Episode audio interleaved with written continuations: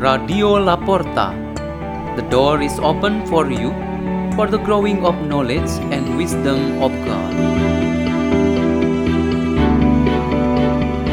Delivered by Father Peter Tukan, SDB, from Salesian Don Bosco, Gerak, in Labuan Bajo, Diocese of Ruteng, Indonesia.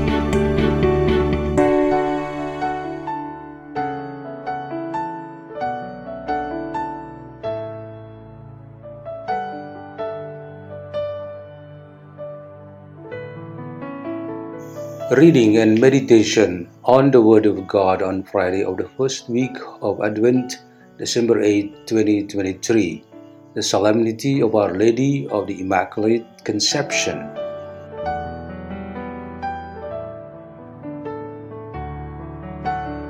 A reading is taken from the letter of St. Paul to the Ephesians, chapter 1, verses 3 to 6, verses 11 to 12.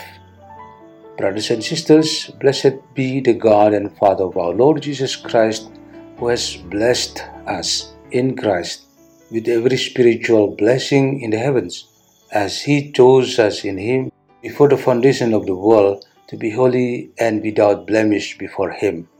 In love, He destined us for adoption to Himself through Jesus Christ, in accord with the favor of His will, for the praise of the glory of His grace that He granted us in the Beloved.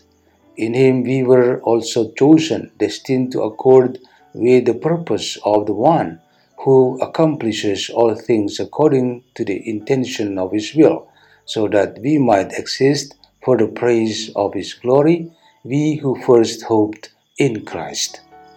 The Word of the Lord.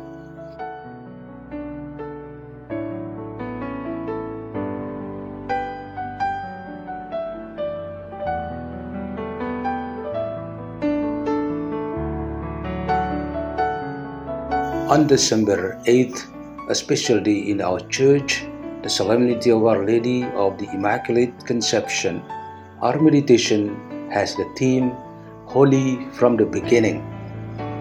This celebration has been in the practice of church's worship since year 1845.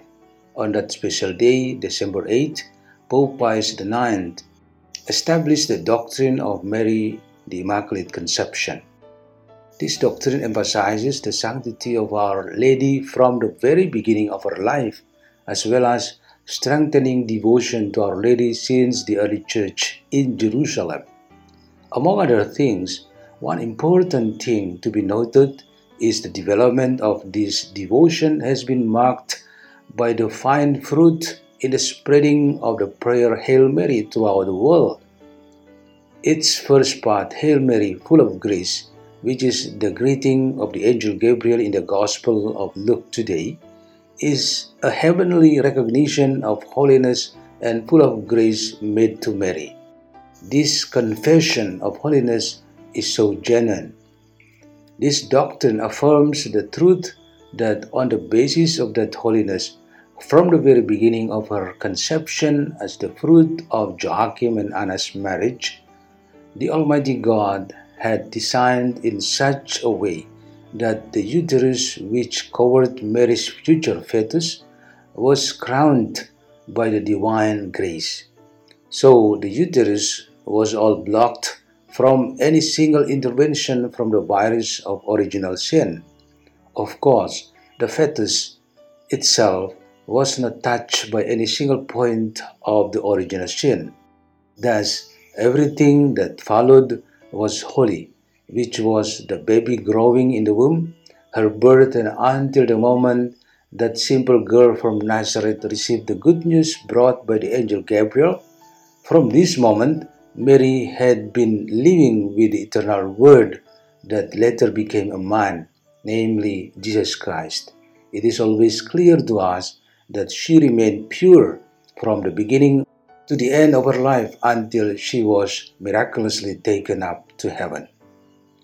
The Blessed Virgin Mary is the only human person who has an extraordinary identity of divine significance because she is entitled as full of grace. Other saints, either men or women, are considered noble and blessed because they partake in that fullness of grace by imitating Jesus Christ, not from the beginning. However, Virgin Mary had been in that fullness of grace since she was still in the conception of her mother. The greatness and holiness of Our Lady gives impacts on us too. What does today's celebration mean to us? Here at least we can contemplate the three meanings of this solemnity of Mary Immaculate Conception. First, the ability to resist sin. The book of Genesis in the first reading speaks about the prince of evil, namely Satan, had been defeated by Jesus Christ. Even though we are always tempted and may fall into sin, Mary, who had overcome sin, still helps us with the prayer, Holy Mary, Mother of God, pray for us sinners. Second, in following the footsteps of Our Lady, we need to safeguard our dignity as followers of Christ because our calling from the beginning, namely in Christ, as told by the second reading today. And the third, if we live with the determination to fight sins and evils, we are actually the true sons and daughters of the Blessed Virgin Mary. Let us pray. In the name of the Father, and of the Son, and of the Holy Spirit, Amen. Our most loving Father, may we always imitate Our Lady in holiness and a life full of grace. Hail Mary, full of grace, the Lord is with thee. Blessed art thou among women, and blessed the fruit of thy womb, Jesus. Holy Mary, Mother of God, pray for us sinners, now and at the hour of our death. Amen.